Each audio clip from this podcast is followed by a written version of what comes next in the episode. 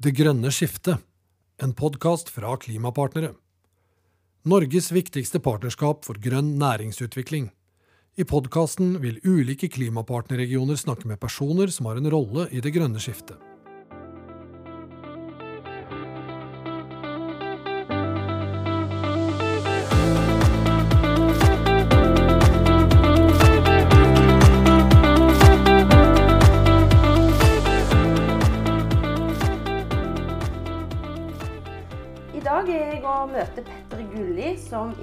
30 år har jobba med reklame og markedsføring. Eller turboen på forbrukermaskiner, som han sjøl kaller det. I dag så har han starta eget selskap, 12 Years, der han jobber med selskaper rundt klimakommunikasjon. Han holder foredrag og workshops, samt er forfatter av boka 'Håp', som er utgitt av Aschhaug. Hei, Petter, og Hei. velkommen til mitt studio, skulle jeg nesten si. Men eh, vi er jo faktisk hjemme hos deg, så det er egentlig ditt studio. Ja, det er mitt studio. og Nå har vi til og med måttet gå inn fordi det bråket i ute. Ja, Vi var ute i naturen, og nå sitter vi inne i et hus. sånn er det. Ting går ikke alltid som planlagt. Nei, gjør ikke det, vet du. Men eh, du er som sagt kommer fra reklame- og markedsføringsbransjen. Eh, du kan jo fortelle litt mer om deg sjøl.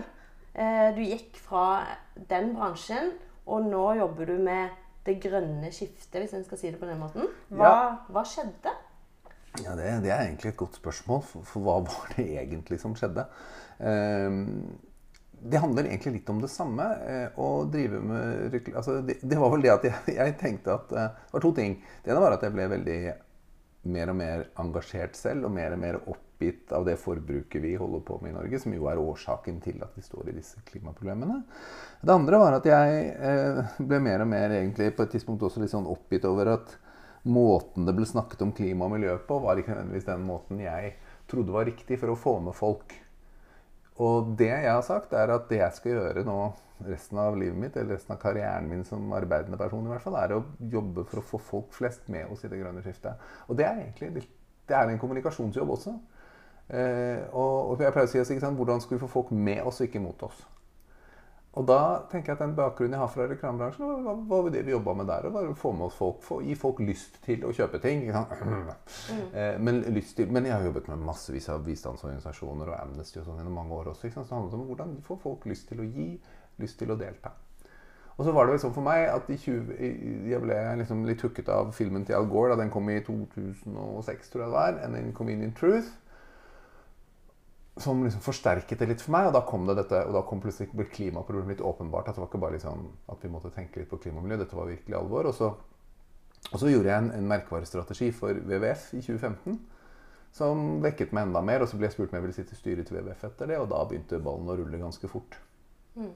Men du kan si et sånn, et sånn defining moment da, i dette her var da jeg i 2016 holdt et foredrag for hele markedsføringsbransjen som het 'Burde vi si opp jobbene våre alle sammen'?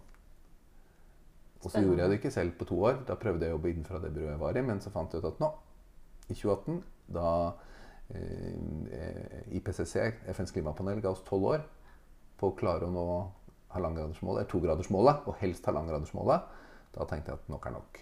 Og da startet jeg for meg selv, og skal bare bruke tiden min på det. Ja.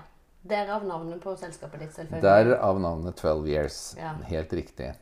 Eh, og sånn sett så jobber jeg da med Men jeg prøver å jobbe jo ikke bare med klima, jeg jobber med hele bærekraftspekteret egentlig. Og det jeg sier det skal én setning av selskapet gjør, så handler det om å hjelpe merkevarer, bedrifter og organisasjoner å ta en tydelig, relevant og ikke minst troverdig rolle i det grønne skiftet. Nettopp. Så det handler om å få fra turboen på forbrukermaskineri til turboen på det grønne skiftet. Og jeg tror jo at markedsførere, reklamefolk, kommunikat, gode kommunikatører kan spille en fantastisk rolle i å få fart på det grønne skiftet. For vi har alltid vært gode på å få folk med. Det er det vi har jobba med. Absolutt. Eh, og vi har jo våre partnere i Klimapartnere. De tar jo en veldig viktig rolle. De, de velger å jobbe strategisk med omleggingen eh, av egen drift, eller mm. enten hvordan skal de ta ned sine egne klimagassutslipp, og i tillegg så, så utfordrer vi de jo òg på hvordan kan de eventuelt produsere mer bærekraftige og, og klimavennlige produkter og løsninger. Så det er jo det jeg har lyst til å snakke litt Ja. med deg om her i dag. I forhold til hvordan kan de bedre sin klimakommunikasjon? Er, de, er selskaper i dag flinke nok til å fortelle om hvordan de jobber med klima og miljø? Eh, nei. Eh, og, Og, og interessant det det med klimakommunikasjon. ikke sant? For jeg, jeg er veldig opptatt av klimakommunikasjon. Og det, det, og det kan man se fra mange plan. Du kan se klimakommunikasjon fra en klimaforskerståsted, fra en miljøorganisasjonsståsted. Og så er det du sier, ikke sant? hvordan kommuniserer vi det grønne skiftet og vår rolle i det som, som bedrifter og organisasjoner. da. Og, jeg tror at eh, på spørsmålet ditt så er det det, er mange svar, eh, eh, og, og de henger sammen.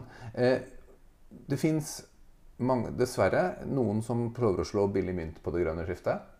Det er de som altså Det jeg pleier å si, er at du kan Hvis du, du har de, de selskapene som virkelig gjør det bra, eller de som mener noe virkelig med det, de ser framover, og så spør de hvordan kan vi endre våre verdikjeder, vår, hvordan kan vi endre vår produksjon, hvordan kan vi endre våre folk, hvordan kan vi endre vår forretningsmodell til å både tjene selskapet og samfunnet og kloden i årene som kommer. Men så har du de snikerne, som jeg kaller det, de som bare kaster seg på. Og det er de som bare ser bakover og sier er det noe for at Nå begynner folk å få panikk, for nå snakker man jo om bærekraft i alle sammenhenger. Det har blitt en trend, og alle skal kaste seg på. Og da blir det sånn Ja, men vi, er det noe vi har gjort som vi kan hekte på? Ikke sant? Og da får du de som fort havner i grønnvaskingsfella, og som prøver. Og det er livsfarlig, tenker jeg, da, for alle de selskapene som eh, det, en, det skaper forvirring blant folk flest. Hvem skal jeg stole på? Hvem skal jeg tro på?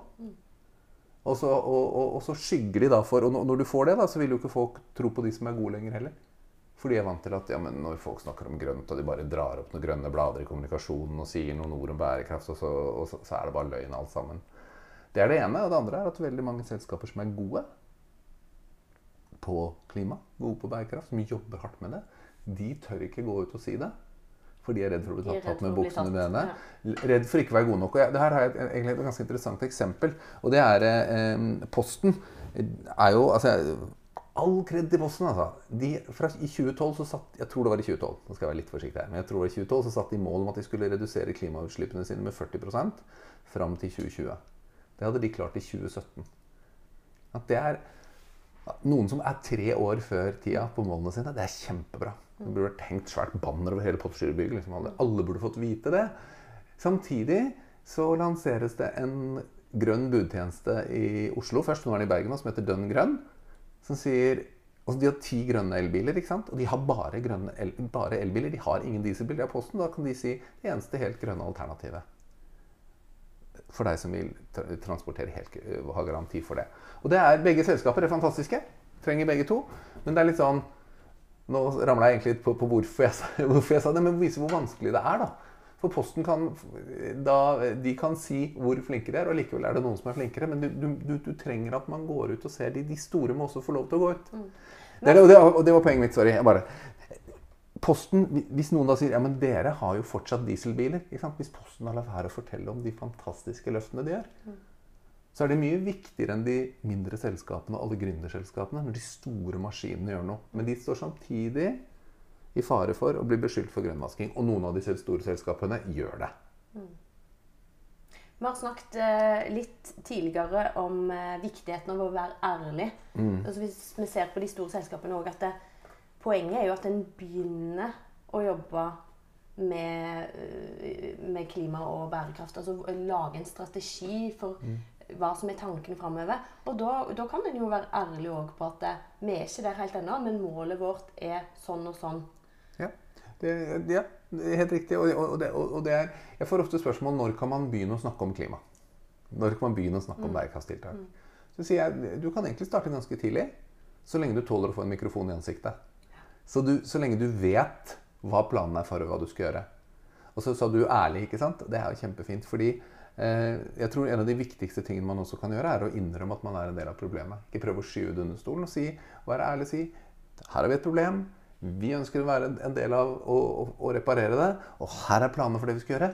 Vi har ikke kommet så langt ennå, men dette har vi gjort, og dette har vi gjort. Og så skal vi gjøre dette, dette og dette. Og folk kommer til å være med som bare det, for folk heier på selskaper som vil bidra, som vil gjøre det bedre. Absolutt. Og jeg tror mange, når jeg ser på mange av våre partnere, gjør, de er gjerne ikke innenfor den, hva skal jeg si, den mest bærekraftige bransjen. Men noen av de jobber hardt for å gjøre absolutt alt de kan for å bli så flinke å ta ned klimagassutslippene sine så mye som de overhodet kan. Samt at de er flinke til å innføre mer og mer sirkulære verdikjeder. Men det er jo ikke gjort over natta. Nei. Så jeg skulle òg gjerne sett at eh, kommunikasjonen til mange av de selskapene eh, ble bedre. At de fikk mer ut det budskapet. Sånn at f.eks. i offentlige innkjøp, eh, i anbudsprosesser, så blei hva skal jeg si, kommuner og Det var større fokus på å ta og velge aktører som i hvert fall gjør det de kan og har tatt store investeringer for å bli eh, grønne og bærekraftige. Selv om det eventuelt koster litt ekstra. Derfor tenker jeg òg at det, kommunikasjon er viktig så i, i, det, i det perspektivet der. da. Informere kommunale og nasjonale myndigheter om alle de gode løsningene og alternativene som finnes der ute. Ja. Og jeg tror det er, og det, og, det- er jo det som er det Hvis vi, hvis vi får denne balansen her riktig, da, så dannes det jo et press når folk tenker Å, faen. I, dag- er det sånn, Du har den ene typen press som er sånn Å, alle snakker om bærekraft, nå må vi snakke om bærekraft. Og bærekraft starter aldri i markeds- og kommunikasjonsavdelingen. Altså. Snakker om betyr ingenting. Eh, men sånn som du sier? Altså, vi er nødt til å Hvis, hvis du hadde Hvis det var et krav at alle følte klimaregnskap, da, som dere er opptatt av, ikke sant? Veldig. Hvis du hadde hatt eh, krav til at alle produkter som ble solgt, måtte oppgi CO2-utslippene. Det svenske Dagens Industri det er interessant. De har innført, en, de innført i oktober i fjor. Eller i 20, oh, 20 oktober til og med 2018, tror jeg. Eller var det 19? Ja, Det er ikke så viktig. I hvert fall. Det var nok 2019. Det de gjør, er at de ved siden av børstallene på aksjesidene, så skriver de også utslippstallene til alle selskapene. Ikke sant? Og det har de innført som fast regel for at folk skal, folk skal kunne se. Og den transparensen der er så viktig. Og, og, og, jeg, og jeg tror at den, nettopp som du var inne på, at vi trenger å få vite at det er mange som jobber for det. Men igjen så har vi faren, da. Hvis noen da bruker, hvis noen da bruker 5% av markedsføring, eh, nei, 90 av markedsføringsbudsjettet sitt på å fortelle om 5% av virksomheten sin, mens 95% av virksomheten deres er skitten, så har vi en Og dette er en interessant balanse, da. For at på et eller annet tidspunkt så må du Vi må jo hjelpe fram de grønne løsningene. Og da beveger vi oss litt inn på et tema som vi har snakket litt om før. Eh, grønnvasking. Til kamp mot grønnvasking. Og der har du eh, en viktig rolle i disse dager. Det er Ja. snakk om en grønnvaskingsplakat. Ja, vi, vi, håper, vi håper det. Altså, vi, vi, det startet egentlig med eh, en som heter Ida og Silje, eh, og en som heter Endre og jeg, som skrev sammen en, en eh, artikkel i Finansavisen da Elkjøp gikk ut og snakket om Green Weekend. Som da ikke hadde noe med grønt, som vi kaller det, å gjøre, men det var rett og slett vårversjonen av Black Friday. Eh, og eh, så fulgte Silje og Ida opp den i Finansavisen en gang til etter at Virke svarte. Vi prøvde å få Virke på banen. Og så ledet det til et eh, initiativ mot grønnvasking. Eh, og, og jeg skal si at eh, jeg sier, og det står til og med på nettsiden min, at eh, til kamp mot grønnvasking, men eh, det var spesielt Silje og Ida som tok initiativ her.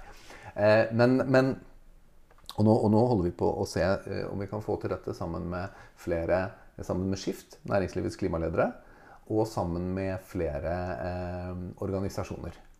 Og få masse bedrifter til å skrive under. Så nå jobber vi med rett og slett en grønnvaskingsplakat. Og målet er å få hele norsk næringsliv, egentlig, alle norske organisasjoner, altså type få med NHO og Virke og, og KS, få med Forbrukertilsynet og Forbrukerrådet, og alle med på en Og en- en- klimapartnere er jo selvfølgelig klimapartnere også, naturligvis. Så, så vi håper å få så mange signatorer som mulig. Så nå jobber vi bare med utformingen av en la oss kalle det en plakat, men som, som ikke bare er en plakat du kan henge på veggen. Vi har gjort den litt, eh, det, det er litt for mange bokstaver til at du kan henge hele på veggen, men den handler om at den er en veileder også. Det er et veldig populært ord i disse dager. eh, Blant annet. Det er jo veileder for både det ene og det andre innen covid-19. Så her er vi en veileder mot grønnvasking, tror jeg vi også kan si at det er. da. Et slags verktøy òg som eh, selskaper kan benytte seg av i forhold til hva, hva er det en bør tenke på Ja. før en i det hele tatt begynner å sette i gang med å markedsføre Ja. sine grønne tiltak, Ja. for å si det på den måten. Ja. Det er jo, og, og, og, og riset bak speilet her er jo at når du går for langt, og du begynner å nærme seg markedsføring, så er det veldig fort at folk faktisk bryter markedsføringsloven også. Ja. For villedende reklame. Ikke sant? Det har vi jo mange eksempler på, uten at vi trenger å nødvendigvis gå inn på, på det her. Fordi vi liker jo å snakke om de gode løsningene, selvfølgelig. Ja, det gjør vi. Eh, jeg tenkte på, Vi vet jo selvfølgelig i dag at forbrukere stort sett ønsker å ta gode valg. Og valg er jo, som er å velge bærekraftige produkter og løsninger. Jeg tror åtte av ti i en undersøkelse til Opinion eh, som heter Forbruker og bærekraft, sier åtte av ti at de, de skal, eller de har som mål, å leve mer bærekraftig. Ja. Men det sier de, da. Så får vi se hva de gjør. Men hva er det da som blir problemet? For det, vi vet jo da at en må gjøre det fristende. Ja. Eh, det må være tilsvarende god erstatning for et hva skal jeg si, mindre grønt Ja, produkt. ja. Eh, det bør være enkelt å få tak i, Mm. og det bør òg være til en overkommelig pris. For at vi som forbrukere skal Mm. Klare å ta de gode valgene.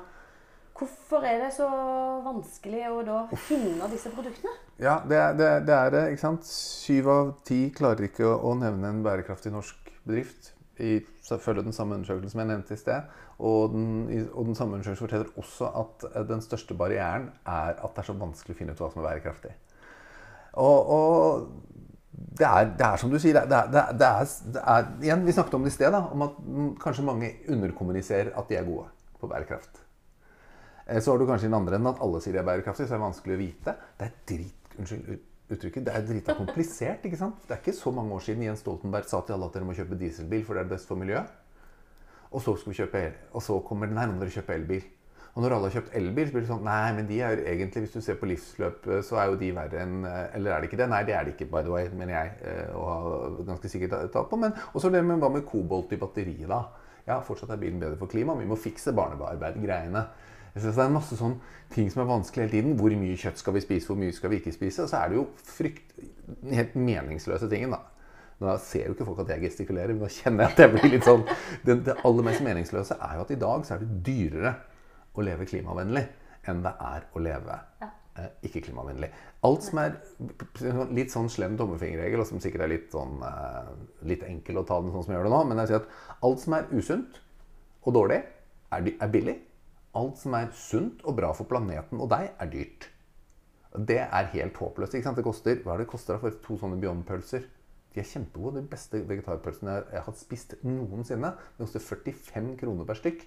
En pølse på størrelse med tommelen min omtrent. Ja, det er litt stor tommel hvis jeg sier det, men altså, det, det henger jo ikke på greip. Og så blir det jo det. Når det blir større etterspørsel, så blir det billigere. Det kommer flere. Det finnes mange fine, eh, fine, fine alternativer. God vegan, eh, Coop har bra vegetarpølser og sånt. Så det fins det finnes mange alternativer, men, men de er foreløpig altfor dyre, mener jeg. Vært, og, og her burde man kjørt en skattepolitikk. og dette kan jeg ikke så mye om, men Man burde jo dratt ned prisen på de tingene som er bra. De skulle vært subsidiert. Absolutt. Og så dratt opp prisen på det som er dårlig. Det hadde vært bra for folkehelsa også. Ja. Og så er det altfor mye merkeordninger. Eh, Tror jeg. Altså det er altfor mange sånn Hvem skal du høre på? Skal jeg høre på en merkevare, et konsern som sier at de har lavt klimaavtrykk? Skal jeg høre på en annen som sier de har det? Skal jeg høre på en kjøttprodusent som har begynt å lage et eget merke på? Gå og kjøpe sportsutstyr, så står det Eko og bilde av grønne blader. Dette er den grønnvaskinga vi snakket om i sted. På at alt ser tilsynelatende bra ut. Så jeg sier av og til stakkars, stakkars forbrukere. Det er jo vanskelig. Jeg mener jo det, og det har jeg sagt lenge, da, at jeg mener vi trenger et bærekraftspoliti. Egentlig et klimapoliti. Og derav disse plakatene. Og- Zero, siden vi snakker med klimapartnere nå, og Zero har jo hatt en grønnvaskingsplakat et år allerede. Men den handler bare om klima. Så nå prøver vi å lage en bredere en. Som er litt mer omfattende. Mm. Men hvis grønn forretningsutvikling, altså det grønne skiftet, det lønner seg jo egentlig for selskaper Mm. Ja. å være med. Det, det er jo forskning som i hvert fall viser til det. Ja. Eh, at det er lønnsomt. Hvorfor er det ikke flere som gjør det, tror du?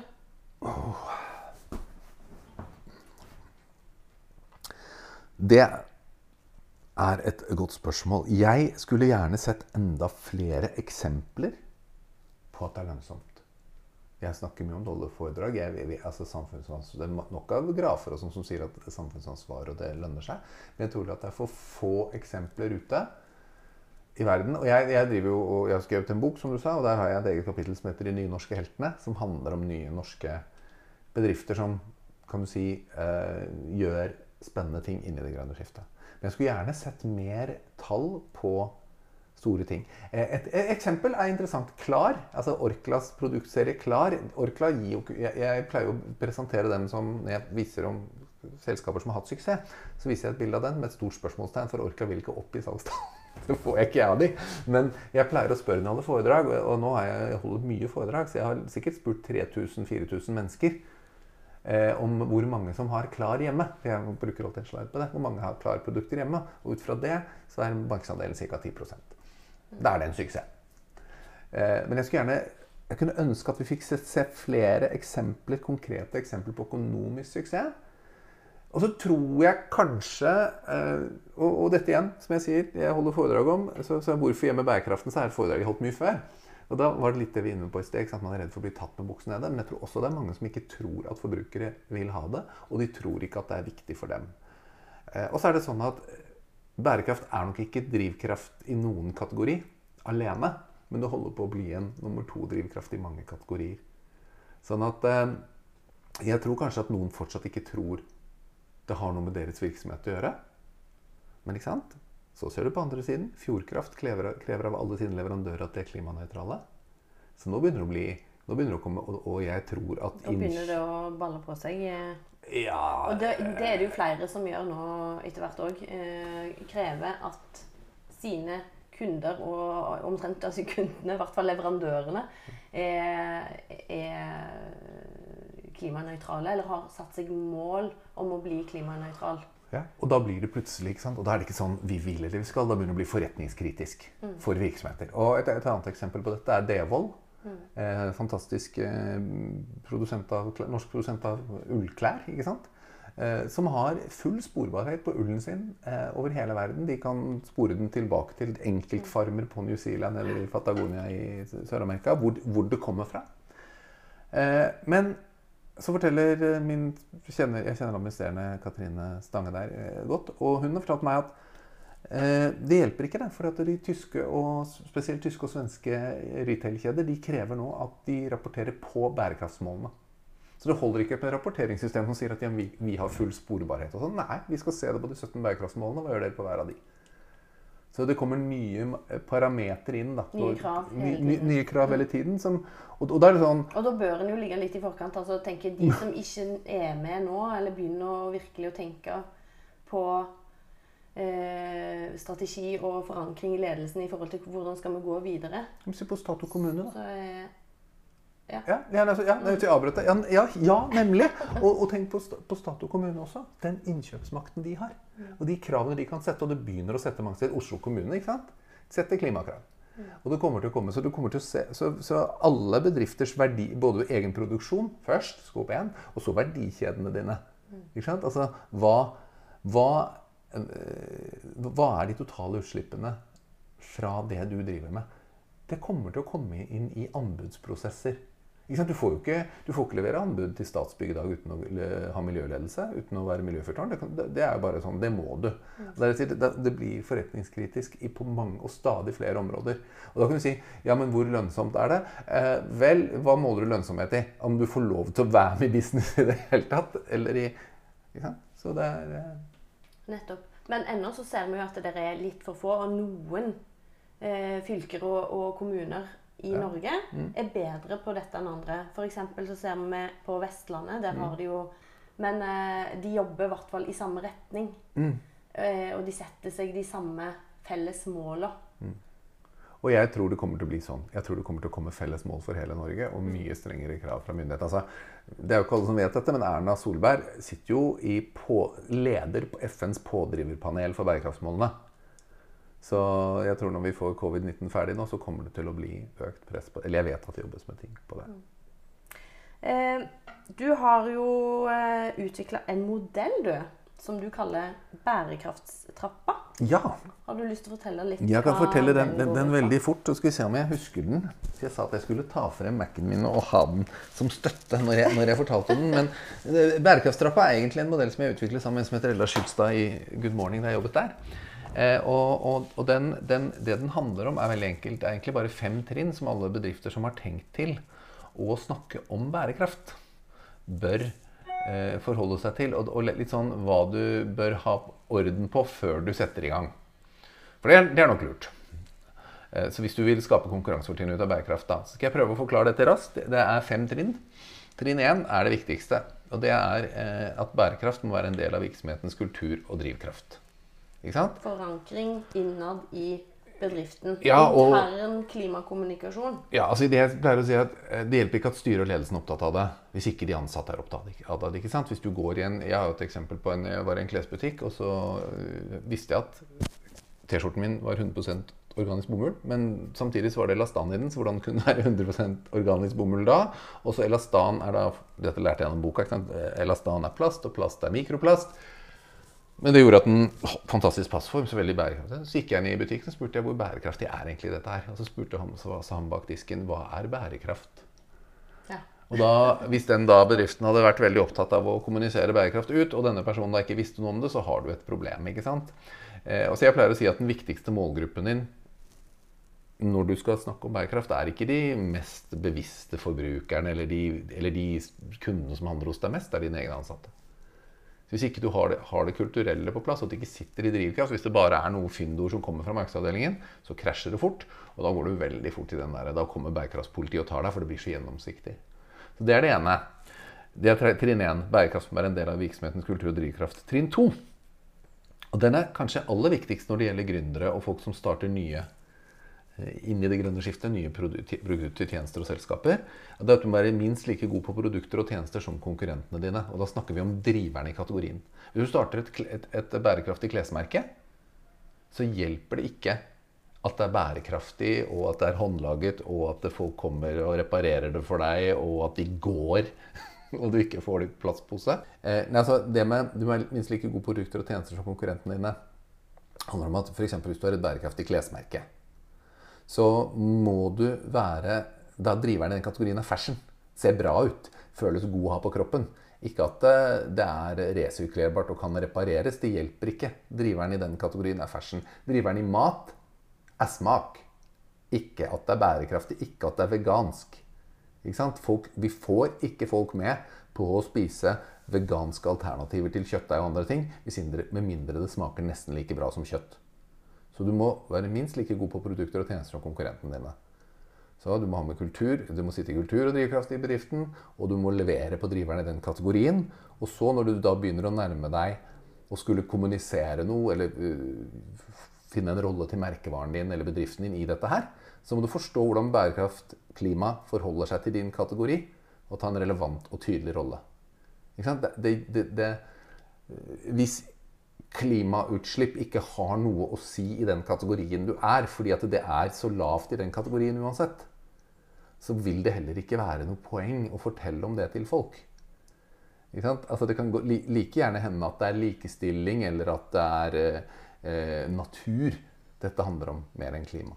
Så, så, så, du må finne den der relevansen, for ellers så blir du bare sånn Og da blir du også veldig sånn Det Bør ikke nødvendigvis en grønnvaske, men folk bare sånn Ja, hvorfor står du og snakker om bærekraft og klima? Jeg skjønner ikke hva det har med det du selger å gjøre i det hele tatt. Nei.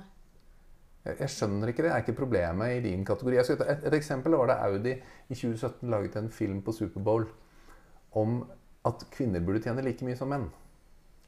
Ja, det er jo Og Veldig fint, det. Eh, Og nå fikk jo de så hatten passa, for de hadde jo færre kvinner i ledelsen enn noen andre bilselskaper i USA. Så det var veldig dumt, og det er det jeg kaller grønnvasking, selv om det ikke handler om grønt. Eh, Mens det som jeg var oppgitt over, var at Audi i det hele tatt brukte tid på Superbowl foran 200 millioner amerikanere å snakke om det. Mens de på nettsiden sin hadde fem liters det var ikke som i Norge hvor det var hybridbiler. Der var det sånn femliters motor og de største motorene og hvor du skulle pumpe ut altså, Du må jo se hvor det største avtrykket du har. da. Hvis ikke det er noen sammenheng mellom avtrykk, det negative avtrykket du har på kloden, og den rollen du forsøker å ta i forhold til værekraft, så blir det rart. Men det, jo, det kommer vel ofte òg litt sånn gode ting ut av, av eh, en sånn episode, for å si det sånn. For nå har vel de Ja, de gjorde ikke det i 2019, for å si det sånn. en, endra litt på Nei da, men vi ser det jo stadig. Og her er litt sånn innen, innen i covid-19 også, så så vi litt sånn Hva er rollen? Eh, og mange selskaper som bare utøver ja, vask hendene, hold avstand. Og McDonald's som før har fått kjeft for å snu eh, M-en opp ned til en W på kvinnedagen. De gjorde det et sted i USA og fikk pepper med en gang. Så du kan dere ikke heller betale alle ordentlig lønn istedenfor å stå og liksom late som dere støtter kvinner. Og, og, og, type, de fikk det samme da de i Brasil eller hvor det var, dro de to buene i M-en fra hverandre for å fortelle å holde avstand. Alle selskaper gjorde det på et tidspunkt. Men, men det, sant, det var ikke viktig eller, og relevant for folk i forhold til rollen deres. Eh, interessant Kiwi i Norge. De gikk jo da og fulgte rollen sin helt sånn merkevaremessig. Fantastisk eh, måte. For de sier nå setter vi ned prisen. Nå kutter vi prisen på 200 varer. Dette blir nesten reklame for Kiwi. og det er, Jeg jobber ikke for Kiwi på noen måte, men det gjorde de for, noen, for en måned siden. Og nå gjorde de det i dag. Så jeg i dag morges igjen. Og det er sånn, Kiwi driver med priskutt hele tiden, og nå gir de ekstra priskutt fordi folk har dårligere råd. Det er midt i merkevaren. Og det stemmer, og du liker dem, og alt er bra. Det var lang.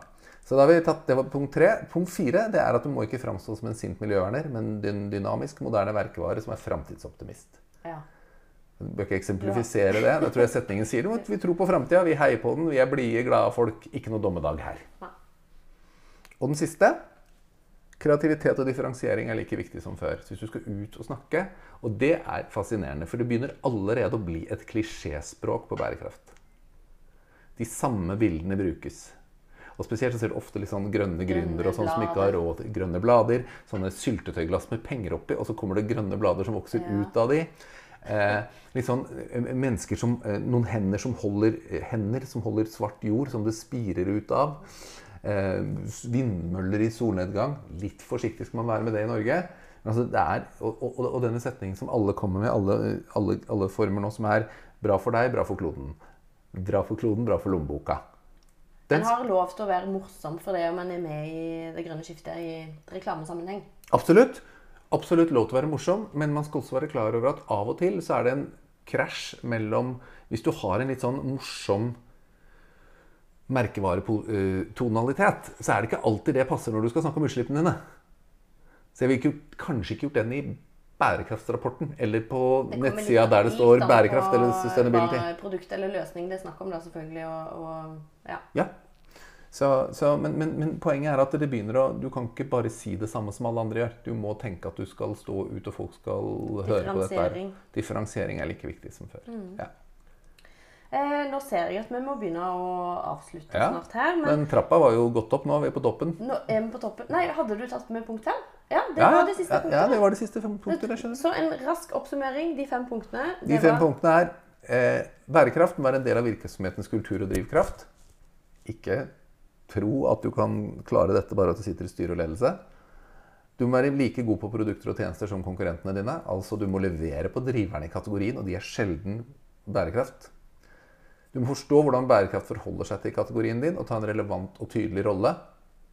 Du må jobbe mot de der du har et negativt avtrykk. Ikke, og ikke det som vi kaller cherry-picking, som det heter på engelsk, av, av, av bærekraftsmål som passer deg. Du må ikke framstå som en sint miljøverner, men som en dynamisk, moderne merkevare som er framtidsoptimist. Tro på framtida. Si til folk 'dette blir så fint'. Gi dem lyst til å bli med deg inn. Og kreativitet og differensiering. Alt det som jeg har med meg fra markedsføringssiden av meg. da, ikke sant? Slutter aldri å tro på det. Det er like viktig som før. Det er allerede et klisjéspråk på gang her, og alle snakker med de samme bokstavene. Da er det ingen som kommer til å stå ut. Så du må finne din egen tone, din egen rolle. Akkurat som det alltid har vært når det gjelder kommunikasjon og markedsføring. Veldig bra, Petter. Eh, vi, jo, vi er så heldige at vi skal ha deg med på et webinar som blir etter sommeren. Ja, og da skal vi vise eksempler inn i bærekraftstrappa, Nettopp. så folk skjønner enda tydeligere hva jeg mener. Ja. Ja. Så det gleder vi oss veldig til. Så det kommer vi tilbake igjen når eh, det blir. Men eh, enn så lenge så tror jeg vi skal bli nødt til å runde av for nå. Selv om vi, vi vet jo vi kan stå og prate om dette her i et par timer til, antageligvis. Men vi må ut. Nå er det, det, er, nå er vi, det, er, altså, det, er, så varmt. Det er en slags lokal global oppvarming på vinneren. Vi sitter inne i en vinterhav med det er som et drivhus. Så vi må ut uansett, vi nå. Ja. Eh, men da bare takker jeg for praten for denne gang. Tusen takk for denne gang. Det var veldig hyggelig. altså. Så får du ha en riktig god sommer. Ja, god sommer til alle som hører på også. Og så håper jeg at vi Jeg ser i hvert fall dere alle på et webinar. Og kanskje live senere i verden. Forhåpentligvis. Når uh, We're on the other side. When we're on the other side on summer camp.